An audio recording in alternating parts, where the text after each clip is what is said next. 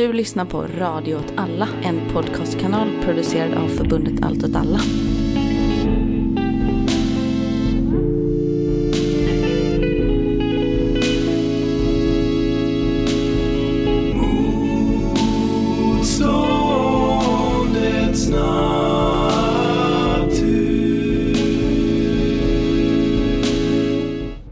Du lyssnar på Motståndets natur, en framåtblickande podcast om radikal miljö och klimatpolitik med mig Jakob. Och mig Ellen. Hur är läget Ellen? Ja men det är faktiskt äh, jättebra. Fan vad härligt. Vi, det var ju ett tag sedan vi hör, äh, spelade in. Nu är det kanske inte så länge sedan som äh, ni hörde oss i podd, men det var ett tag sedan vi spelade in. Men nej precis, det, det är nästan lite ovant att sitta här igen. Men nu spelar vi in i en, på en helt ny plats i mm. vår fina nya poddstudio. På tredje lång, ja. mitt i smeten.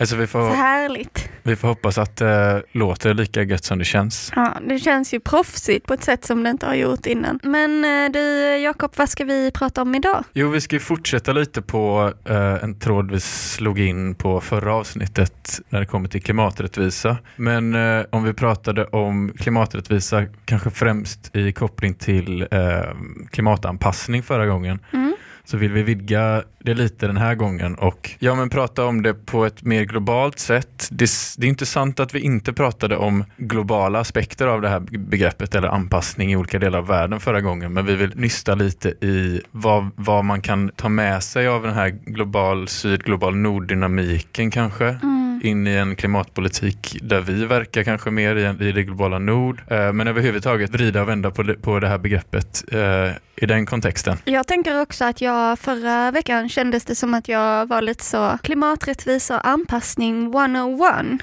Och den här gången tänker jag att vi vill resonera lite mer om maktdynamik och kanske inte vara så stelbenta i det här är, så här är definitionerna, utan res, eh, resonera lite kring så globala nord, globala syd, maktdynamiken däremellan, vad det betyder för klimatfrågan och vad det, vad det handlar om, vad det är för typ av fråga egentligen. Vi kanske ska börja där i mm. Vad, eh, kanske till och med vad vi menar med ett globalt syd och ett globalt nord. Mm. Det är väl ett ganska väl eh, bekant eh, koncept vid det här laget, men vad vi menar är egentligen att man delar in världen i en, vad som kanske annars talas om i termer av första världen och tredje världen egentligen. Men det är lite dated, så vi pratar om en, en rik del av världen som i första hand är Europa och USA och eh, liknande ekonomier som är liksom på något sätt kärnan i i kapitalismen på något sätt och eh, det globala syd, den koloniserade delen av världen eller tidigare koloniserade delen av världen. För, för man tycker sig se att det finns ett, eh, en maktdynamik där som liksom mm. genomsyrar väldigt mycket. Ja precis, om man skulle prata mer så, får man säga så, hat och negri-termer eller så, så hade man ju pratat kanske om centrum och periferi. Att det liksom finns no att makt finns koncentrerad på vissa ställen i världen och att det är längre till makten på andra ställen i världen och inte bara att det är långt från makten utan kanske snarare att på ett väldigt aktivt sätt eh, ses till att det inte finns makt eh, där. Precis, när vi pratar om klimat och miljökriserna så pratar vi också om en då asymmetrisk distribution av risker och bördor kopplat till klimatförändringar och kopplat till eh, miljöproblem. Mm. Där platser i det globala syd kanske oftare är mer sårbara för klimatförändringar och de väderfenomen som kommer med det. Och är mer sårbara som i, man har mindre möjlighet att äh, hantera risker dessutom. Inte minst tänker jag på bland annat när vi pratar om gruvor i ett tidigare avsnitt där jag tänker på extraktivism och nya frontiers, eller vad man ska säga, i det globala syd för ackumulation. Och det, där pratar vi i termer om att det sker liksom i ljuset av klimatmitigering då, att man vill elektrifiera den globala ekonomin och då behövs det mineraler och metaller som exploateras och utvinns i delar av världen som historiskt och fortfarande sugs ut på resurser. Mm. Och som samtidigt är de delarna av världen som man vill betala för att eh, klimatomställa för att man själv ska slippa det. Och ja, när vi är inne på klimatmitigering och sånt så tänker jag också på att det finns en, en rättviseaspekt i globala handels och produktionsled då från periferiet center där eh, man skulle kunna föreställa sig att en svensk industri i alla fall delvis kan, skulle kunna ställas om till fossilfri teknologi och om man då skulle haft en expansiv och progressiv industripolitik, vilket vi inte har, men hade vi haft det så kanske arbetare hade kunnat hitta sysselsättning, omskolning och trygghet och så vidare. Det hade varit lättare att ta det klivet i ett land som Sverige än vad det kanske gör i de här eh, länderna i världen där eh, man är lägre ner i hackordningen när det kommer till förädlingsprocesser i produktionskedjan. Alltså, alltså man exporterar natur, alltså råmaterial eller liksom produkter som är liksom inte särskilt förädlade. Man har inte kanske en batteri och bil eller vad det nu är fabrik i landet utan man exporterar de här metallerna istället. Liksom. Precis. Jag tänker väldigt mycket på ehm, um, Tuvalu. Det är en liten önation som kommer sjunka under havet och varje gång det är koppmöten så är det så hjärteskärande typ. Inte detta koppmötet men koppmötet innan så spelade de liksom in en, en sån uh, Eh, opening speech till kopp där de liksom stod i vattnet för att symbolisera att vi drunknar. Liksom. Ja, men det finns liksom eh, de som inte har någonting att säga till om i eh, den globala ordningen, som inte har gjort särskilt mycket för att bidra till den här klimatkrisen, men som hanterar, som är sårbara på ett sätt som inte går att hantera.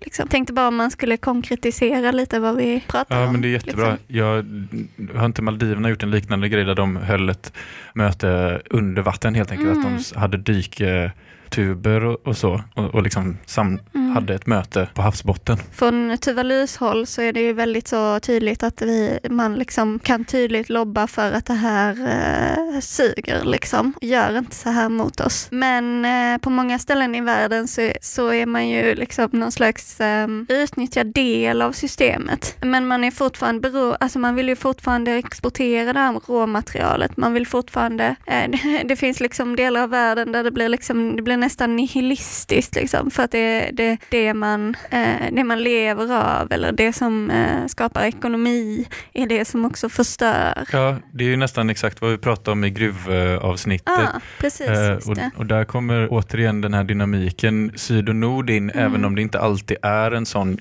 geografisk uppdelning. Alltså om det är den här maktordningen egentligen så återfinns den ju även i det globala nord, man ska säga. Att det finns platser och grupper som mer eller mindre är resurser eller i vägen för en resurs och så vidare. Alltså, då, då är det ju lätt att tänka, det är ju kanske fattiga människor generellt i den här delen av världen men i synnerhet ursprungsfolk. Inte bara i egenskap av att liksom kanske i vissa fall i alla fall leva i traditionell, mer traditionella samhällen och kanske i någon mån i en annan typ av relation till naturen i alla fall och där, det, där den konflikten blir mycket tydligare och kanske mer våldsam mm. i Nordamerika eller i, eh, ja, men som i Sverige mm. i Sápmi eller så. Så det är inte bara en fråga om liksom ett geografiskt nord och ett geografiskt syd men det, det kanske inte alltid är användbart att använda den metaforen med syd och nord, då, men jag kan ändå tycka att det är lite hjälpsamt att tänka så, att det finns ett globalt nord i ett globalt syd också. Det finns en mm. så extraherande elit som liksom Eh, Eh, kan sko sig. Jag tänker att det också är ett sätt att liksom titta på mönster i världen. Alltså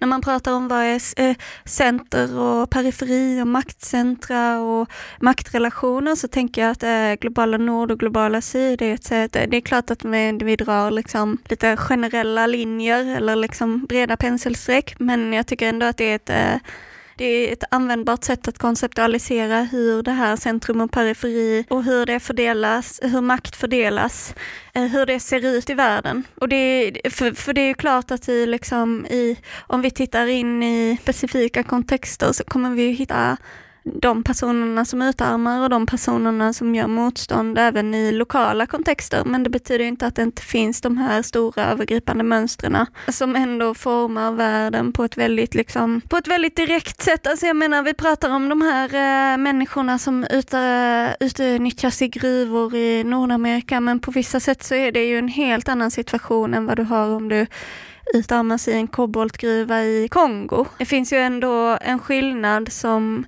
Eh, inte förtar den, den exploatering som sker eh, av gruvarbetarna i Nordamerika, men det visar ändå på att det finns stora maktrelationer globalt. Liksom. Ja men precis, alltså gruvarbetare i konfliktdrabbade eh, delar av Kongo har ju inte liberaler och Hollywoodkändisar som står där och, och stoppar eh, exploatering som i typ Standing Rock till exempel. På vilket sätt klimaträttvisa då är ett användbart koncept eller inte. Är det, alltså är det ett bra verktyg i kampen för en liksom ekologiskt och socialt hållbar framtid? Nej men det finns ju många och det, jag kan minnas att jag var lite kritisk men det finns ju många som är liksom att rättvisa är ett så tilldelat begrepp. Mm. Liksom. Man tilldelas rättvisa och rättigheter. Att det varken eh, behöver implicera egenmakt eller egenvärde. Eh, Precis. För att det, liksom är, det är ett väldigt så uppåt, eh, man vill bli bekräftad av en institution eller en maktstruktur eller så. Och det, är väl, det vill vi väl alla. Ja, men det, det, det där, den diskussionen äh, håller jag, kan jag också känna igen med att liksom reagera på ibland. Speciellt om man pratar om en rätt till någonting eller att någonting är en rättighet. Alltså det är någonting man kan göra anspråk på i en, i en politisk kamp och mobilisera kring, men som kanske inte har en, liksom, ett liksom, egenvärde nödvändigtvis i sig så, av naturen givet eller någonting. Men då tycker jag ändå en, en diskussion eller en diskurs kring rättvisa mm. i det här fallet, eller vad vi kommer in på nu, kanske handlar mer om då att mobilisera eh, kring, eller identifiera konfliktlinjer och mobilisera kring Eh, en rättvisediskurs på ett eller annat sätt för att driva en kamp snarare än att göra anspråk på en rättighet som liksom existerar där ute. Apropå det då så tänker jag på, det blev ju diskussion för ett litet tag sedan när Greta var på ett event som representant för Fridays for Future och eh, blev stormad på scenen av en annan klimatvän eller klimataktivist av något slag för att hon pratade om ockupationen av Palestina och eh, framförallt Israels bombningar av Gaza. Och då kom en man upp och ville stoppa detta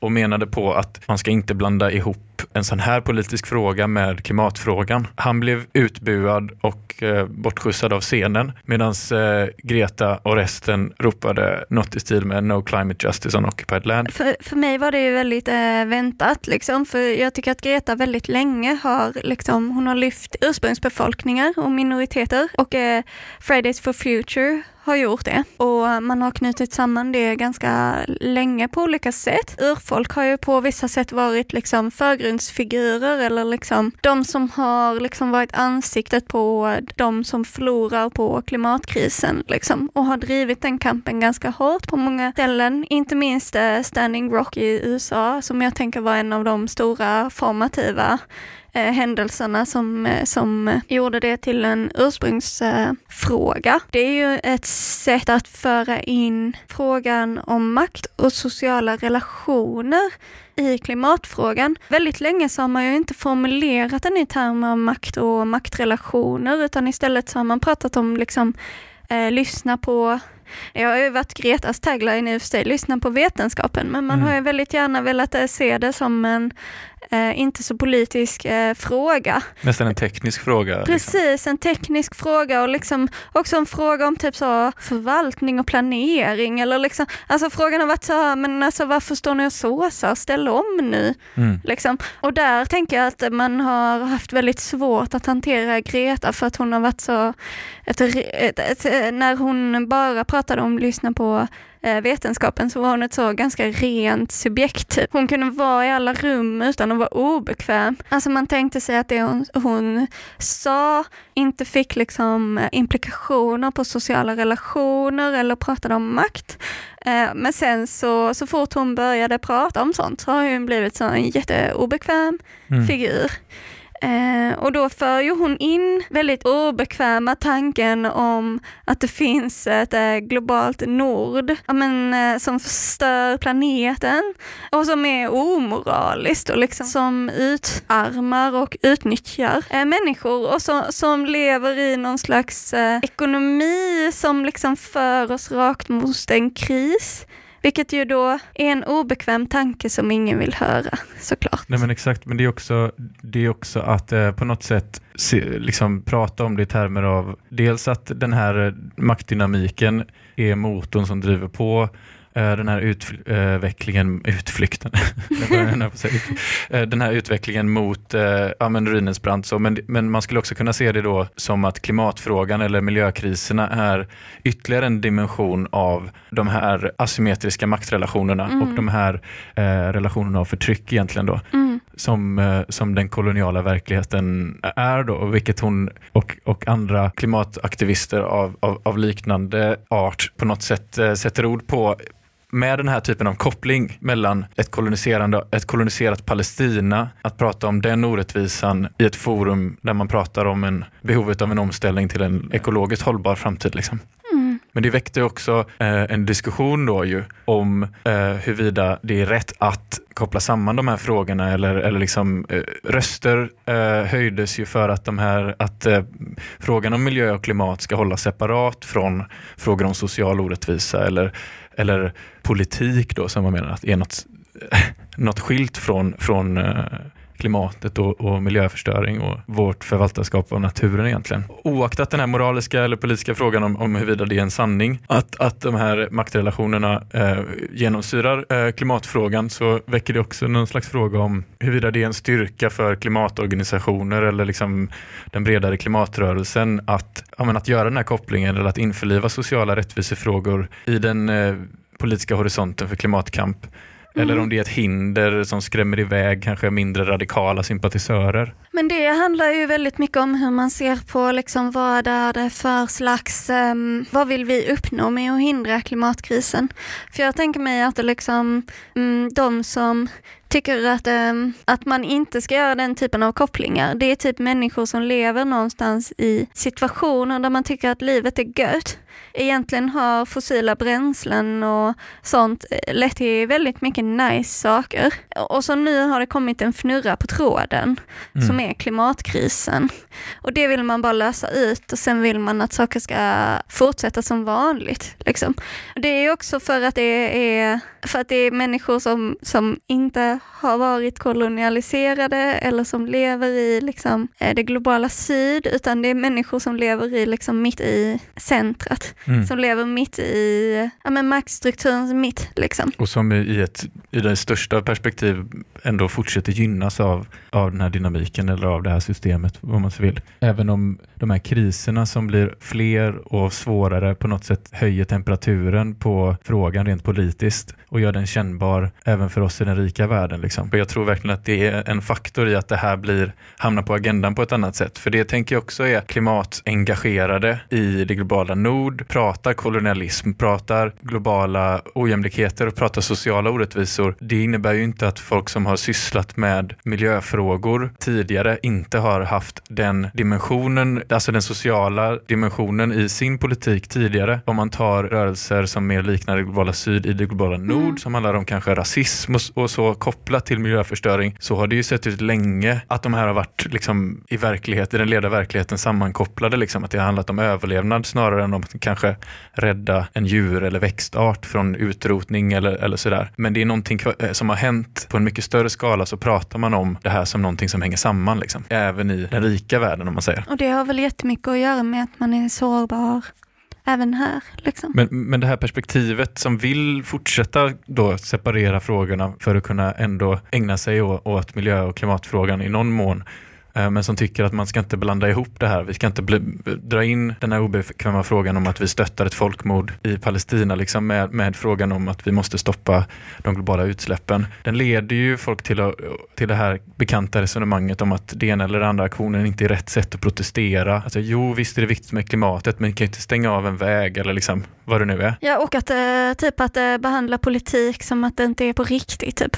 Alltså för att man vill liksom inte erkänna politik som handlar om typ riktiga människors liv och lidande. Nej, exakt. Alltså, politik är alltid någonting man kan liksom separera sig själv från. Ja, men eller alltså, eh, kommer du ihåg när eh, Ulf Kristersson var här i Göteborg och att han hade tänkt att han skulle typ ha så en skön AV där de skulle kunna prata om investeringar i Göteborgs stad eller något och så liksom kommer det människor som är så, jag har anhöriga som har dött i bombningar och han kan liksom inte hantera det här för att det finns liksom inte, politik ska vara lite gött och inte handla om någonting som är viktigt för någon på riktigt. Typ. Jag tänker att det finns något väldigt liksom, eh, spännande och radikalt i det här att, eh, att erkänna klimatkrisen som sammankopplad med sociala relationer som formar eh, ja, relationerna mellan globala eh, syd och globala nord och även människor liksom, i städer och i länder och i samhällen liksom, som formar de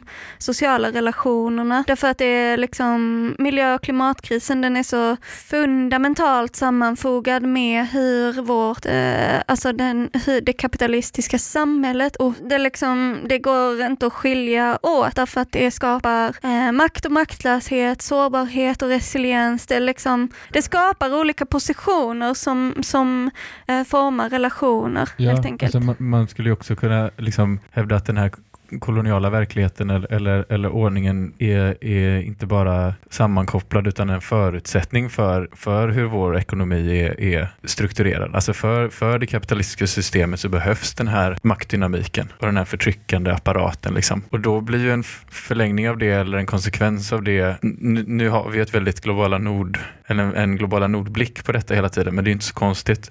Men jag tänker att, att alliera sig med sociala rörelser från ett globalt syd då, oavsett om de, alltså nu har vi ju grumlat till det begreppet så att det kan betyda lite olika saker, men liksom oavsett om det är i andra delar av världen eller om det liksom är konceptuellt ett globalt syd, Eh, om det då, I den mån det innebär då att, att koppla ihop social rättvisa och ekologisk hållbarhet så föreställer jag mig att det dels öppnar för starkare internationalism i de här frågorna, alltså i hållbarhetsfrågor och klimatfrågor. Men jag tror också att det kanske möjliggör till att driva Alltså en både bredare men också framförallt radikalare miljökamp i Sverige och globala nord. Alltså där det sociala blir ekologiskt och vice versa. Alltså att lyfta in den här maktdynamiken i frågor som kanske har varit ganska av, avpolitiserade tidigare mm. och en teknisk fråga. Att göra de här konfliktlinjerna smärtsamt tydliga där de finns i våra liv även här. Liksom. Att det har, någon, har en potential som jag tror att vi bara börjar utforska egentligen. Jag tänker också att det handlar typ om vad, vad är det man kämpar för?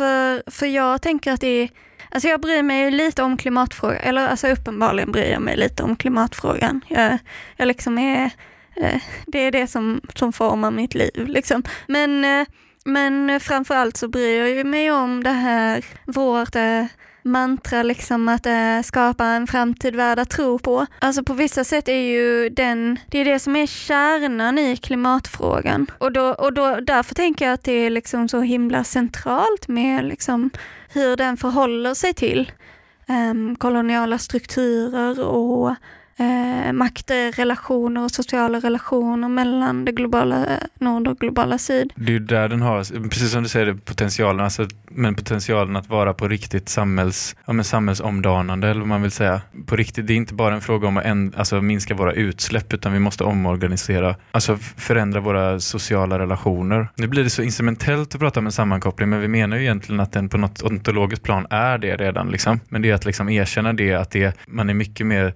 motståndskraftig mot de här försöken att, att slå ifrån sig rättvisa och sociala aspekter av det. När, när kampen så tydligt visar en konfliktlinje där de är oskiljbara, oskiljaktiga. Mm. Liksom. Jag tänker också att det inte är instrumentellt, utan det handlar också om att skina ljus på en fråga som ständigt försöker pacificeras. Alltså att det finns, eh, det finns jättestora intressen av att inte riva i det här och att fortsätta exploatera, att fortsätta och att liksom försöka lägga locket på de sociala aspekterna på dem. Och det är ju ett sätt att, att äh, liksom ja, men pacificera potentialen. Alltså att, att liksom, någonstans tänker jag att eh, i, i liksom det erkännandet av att eh, ja, men klimatkrisen har lett oss till ruinens brant. Den är liksom ojämlikt fördelad. Det är jätteojämlikt mellan nord och syd. Så här borde det inte vara. Någonstans där så finns det ju liksom, ja men det här frö till att, alltså det finns ingen som, eh, som kan, kan sitta och säga det och inte säga vi måste liksom riva ner och bygga upp igen. Eh, och därför så vill man ju pacificera det liksom. Och därför vill man ju gå upp och avbryta Greta och säga du får inte prata om det här.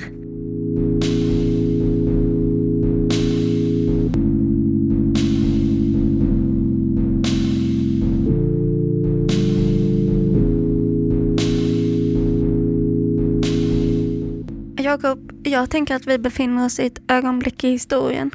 Det gör man ju i och för sig alltid. Men jag tänker att vi befinner oss i ett ögonblick i historien där klimatfrågan på många sätt blir eh, ett hopp om en annan värld. Det liksom bryter ur den här föreställningen eller bilden av att, att det samhälle vi lever i skulle vara, jag tänkte säga hållbart, men det är inte det jag menar. Jag menar typ försvarbart. Och på så sätt så finns det ju en väldigt så omdanande potential i frågan. Ja, det är väl också, det är väl på något sätt en ut, lite utgångspunkt för uh, den här podden på något sätt. Det här mm. ögonblicket liksom. Vår analys som av säger att så här, här, här är vi ett, ett ögonblick, men liksom vi befinner oss i ett fönster på något sätt. Mm en ny värld är möjlig och så vidare. Det är därför vi poddar, att vi befinner oss i det här ögonblicket där det finns eh, en ny värld hägrar, tänkte jag säga. Yeah. Men eh, liksom, eh, det finns en potential för att det är som att också, det liksom underminerar hela grundvalarna liksom till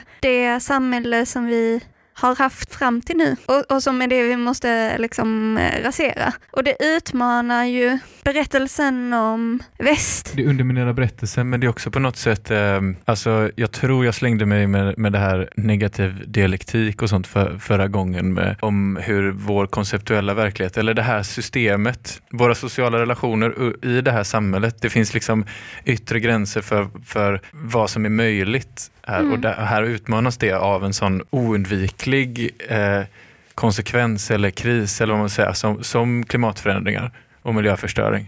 Det blir oundvikligt det här behovet av att, av att eh, omvandla våra, våra sociala relationer eller att förändra världen helt mm. enkelt som eh, en kamrat skrev häromdagen i, i eh, Dagens ETC. Men jag tänker väldigt mycket på Mark Fishers Capitalist Realism där han har någon slags, eh, ja men det begreppet handlar om att eh, kapitalismen liksom framställer sig som det enda alternativet. Det finns ingen annan värld, det finns inga andra möjligheter. Det här är det enda alternativet. Då behöver den liksom inte ens den behöver liksom inte sälja in sig ens som bra eller göttig, den behöver bara sälja in sig som det enda alternativet. Och då kallar han klimatkrisen, eller han skulle kalla klimatkrisen, jag minns inte om han pratar om det, man skulle kalla det för the real. Och det är någonting som kommer och bryter kapitalistiska realismen. Det är någonting som gör det tydligt att det här är inte den enda möjliga världen.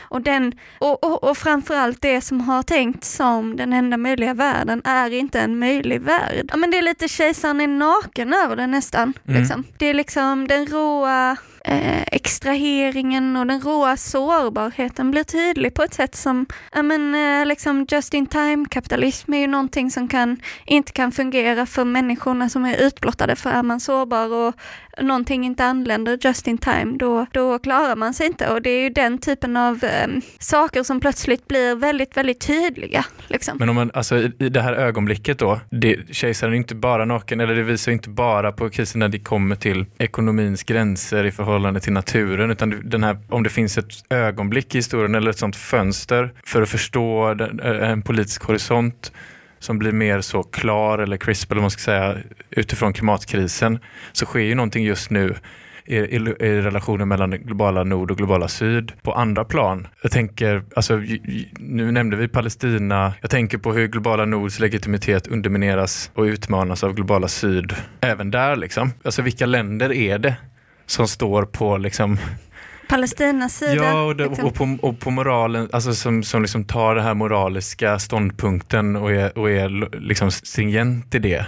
Mm. Och konsekvent där och, och slår vakt om de här humanistiska, liksom kanske idealen och de humanitära institutionerna? Jo, det är nästan uteslutande länder och organisationer och individer från globala syd. Det är, före det, alltså det är Sydafrika som slagit sig loss från apartheid själva som anmäler Israel till ICJ. Eh, och vilka länder är det som stöttar den? Jo, det är framförallt länder i globala syd. Och vilka står på andra sidan? Jo, det är USA, det är liksom de allra flesta EU-länderna. Ja, eller bara att det, det, liksom, det har inte varit ett enda varken några av EU-länderna eller NATO-länderna eller USA har gjort något för att stoppa bombningarna av Gaza. Utan snarare har man ju sagt, alltså man har ganska tydligt sagt så, det får pågå. Det mm. lägger inte vi oss i. Det får pågå, gärna med våra vapen.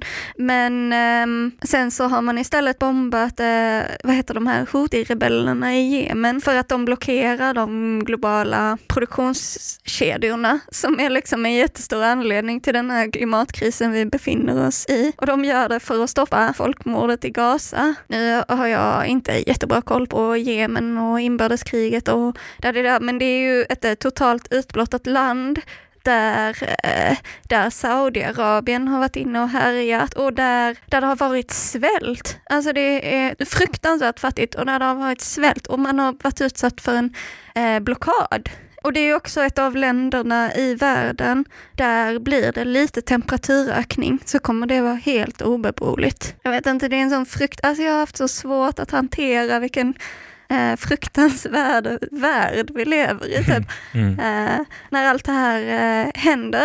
Eh, men jag tänker också att det verkligen har, alltså det har verkligen utmanat eh, globala Nords legitimitet och det har ju verkligen utmanat och det har verkligen synliggjort att eh, de typ koloniala maktrelationerna är alive and kicking typ, alltså riktigt men verkligen. Vem håller varandra om ryggen och vi, vilken typ av, vilken människa får man utöva våld mot och vilken människa får man inte? Och det har jag tänkt på fram till för det har ju varit ett jättestort problem i de här COP-förhandlingarna, att äh, i globala syd så har man sagt typ, äh, vi vill ha en så kallad loss and damages fund. Alltså, mm. vi vill, ha, vi vill ha kompensation för det vi förlorar och det, det skador vi tar. Och då har man från globala nord, eh, eller de rika länderna sagt visst, vi gör en sån här fond. Och sen har man inte lagt pengar i den. Och sen har det varit en pågående konflikt och jag är så orolig för eh, att eh, eh liksom de här förhandlingarna som allt, varje år på COP så är de liksom eh, två, alltså de är två centimeter från total kollaps. Liksom. Mm. Eh, men jag är så orolig för att de här relationerna, att man typ inte kommer kunna ha samtal längre. Typ, för att det är sån total haveri. Ja, men och även om det är oroande så kanske man kan välja att i alla fall för ett ögonblick vara lite hoppfull kring hur det här, den här moraliska ordningen på något sätt, den här liberala, eller att det är en moralisk kris Ja, man kan även, götta sig i det. Ja, det eller liksom i vad det öppnar för. Alltså, om man, alltså, även om inte de här le, världsledarna erkänner det eller liksom det, det, det, syns inte i hur de handskas med sin, sina eh, respektive mm, opinioner i, i, de egna länderna som det, i stor utsträckning är en enorm opinion globalt för, för en, ett, en, ett eldupphör i Palestina. Oavsett om de är, är villiga att erkänna det eller inte så, så är det ju en moralisk, ett moraliskt förfall eller kanske snarare mm. att skygglapparna är liksom omöjliga att ha kvar inför hur moraliskt korrupt den här ordningen är. Liksom. Och i ljuset av det då och med, med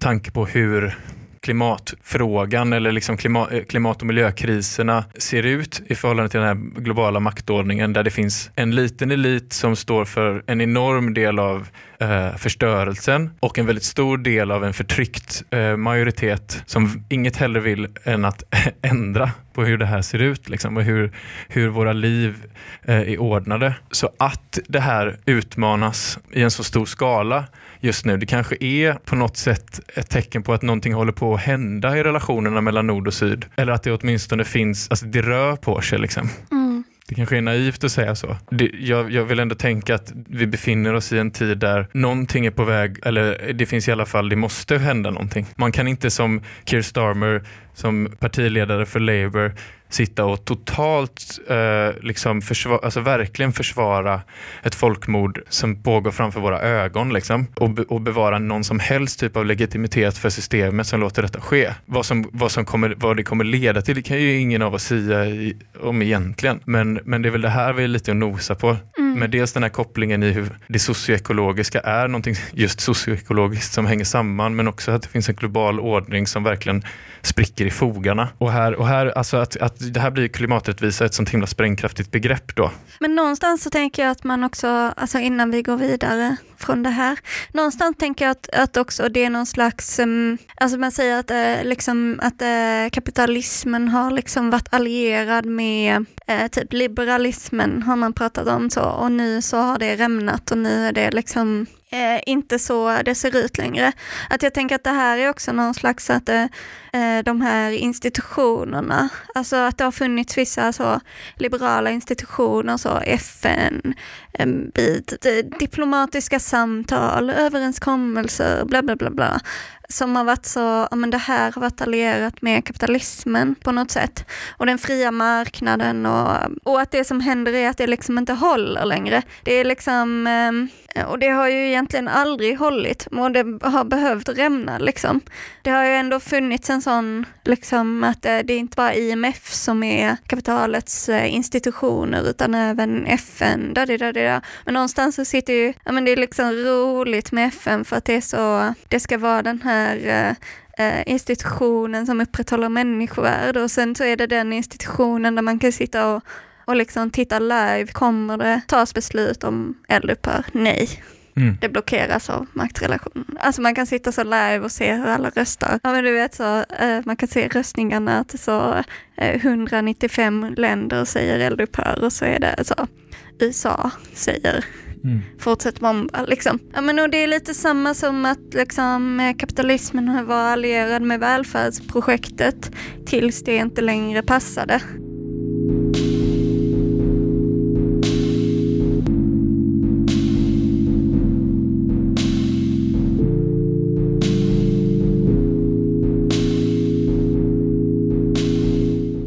Det vi, det vi har pratat om genomgående på ett eller annat sätt är ju en fruktansvärt eh, asymmetrisk och orättvis maktordning som bygger på utsugning och förtryck som både utarmar och förgör naturen i sig självt och våra egna livsbetingelser samtidigt som det ja, som sagt förtrycker och utarmar stora delar av världens befolkning. Men, vi, det, det sker, men det verkar hända någonting under de här åren under vår livstid där jag tänker att framtiden får utvisa men jag tror att det kommer visa sig kunna skapa ganska radikala projekt globalt. Liksom. Och då menar jag inte en global rörelse nödvändigtvis men att den här typen av Alltså att, att förstå den här frågan på, på det här sättet utifrån en klimaträttviseblick eller vad man ska säga som fullständigt införlivar de här rättvi andra rättvisedimensionerna. Det är inte bara skapar politiska subjekt som är radikala utan det formulerar en, en, en, en väldigt så radikal eller transformativ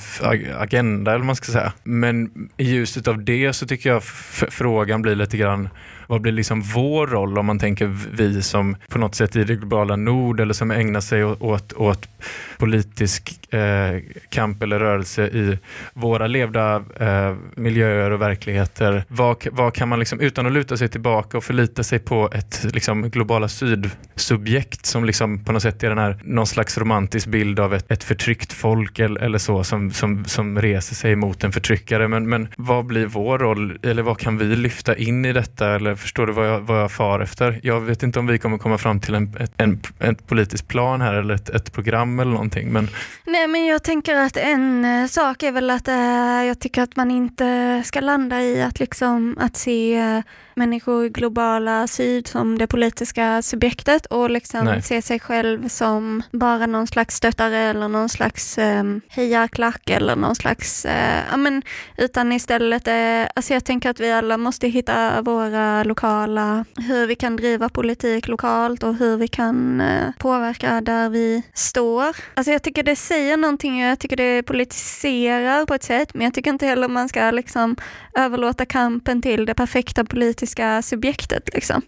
Utan eh, eh, snarare handlar det ju om att liksom, kan vi hitta gemenskap och kamper, eh, gemensamma kamper och kan vi hitta gemensamma framtidsvisioner och kan vi hitta eh, projekt där vi har utbyte av varandra och kan stötta varandra. Men precis, och det, men det, det är väl också därför det blir viktigt att, att bygga de här solidaritetsrörelserna oavsett om de är knutna till en specifik miljöfråga eller, eller liksom ett utsläpp eller någonting. Eller utan att så här, ja, men det, det finns ingen klimaträttvisa på ockuperad eh, mark liksom, och, och, och så vidare. Alltså att det är i den bemärkelsen vi kan bygga kanske inte globala, men internationella solidaritetsband som, som, Mm. ö, som utmanar dels ett fossilkapital, men, men ett fossilkapital som drivs av en kolonial eh, maktordning och ett helt, helt enkelt ett förtryckande samhälle. Vi har ju pratat om ett, ibland om eh, huruvida det, vi lever i ett post, något slags postpolitiskt tillstånd i väst där liksom vad politiken i den bemärkelsen vi liksom i vardagligt tal menar politiken, alltså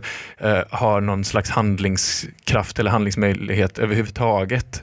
Eh, och att det finns någon slags apati där eh, oavsett nästan politisk färg i parlamentarismen liksom, och, och hos folk i största allmänhet kring vad, vad som är politiskt möjligt.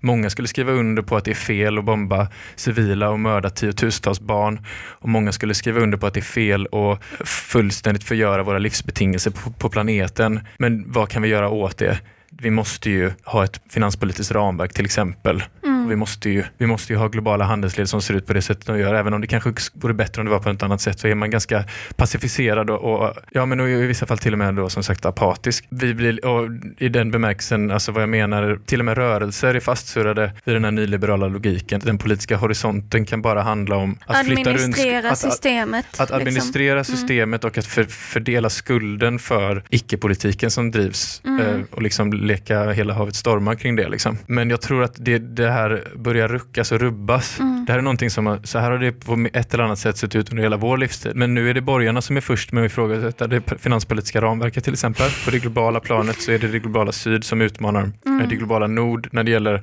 att eh, slå vakt om de här humanistiska idealen och en humanitär världsordning eller vad man ska säga om det nu någonsin har funnits. Men om det nu är ett ögonblick så kanske klimatfrågan och om det då finns no om man kan tala om en global rättviserörelse kan vara någonting som kan bryta den här logiken, alltså bryta upp de här, klippa de här banden av fastsurrning kring den här nyliberala logiken. Ja precis, och öppna upp horisonten till någonting nytt. Liksom. För jag tänker att under 1900-talet så har liksom, ja, men kapitalismen har liksom någon slags allians som är liksom, eh, det skapar välstånd.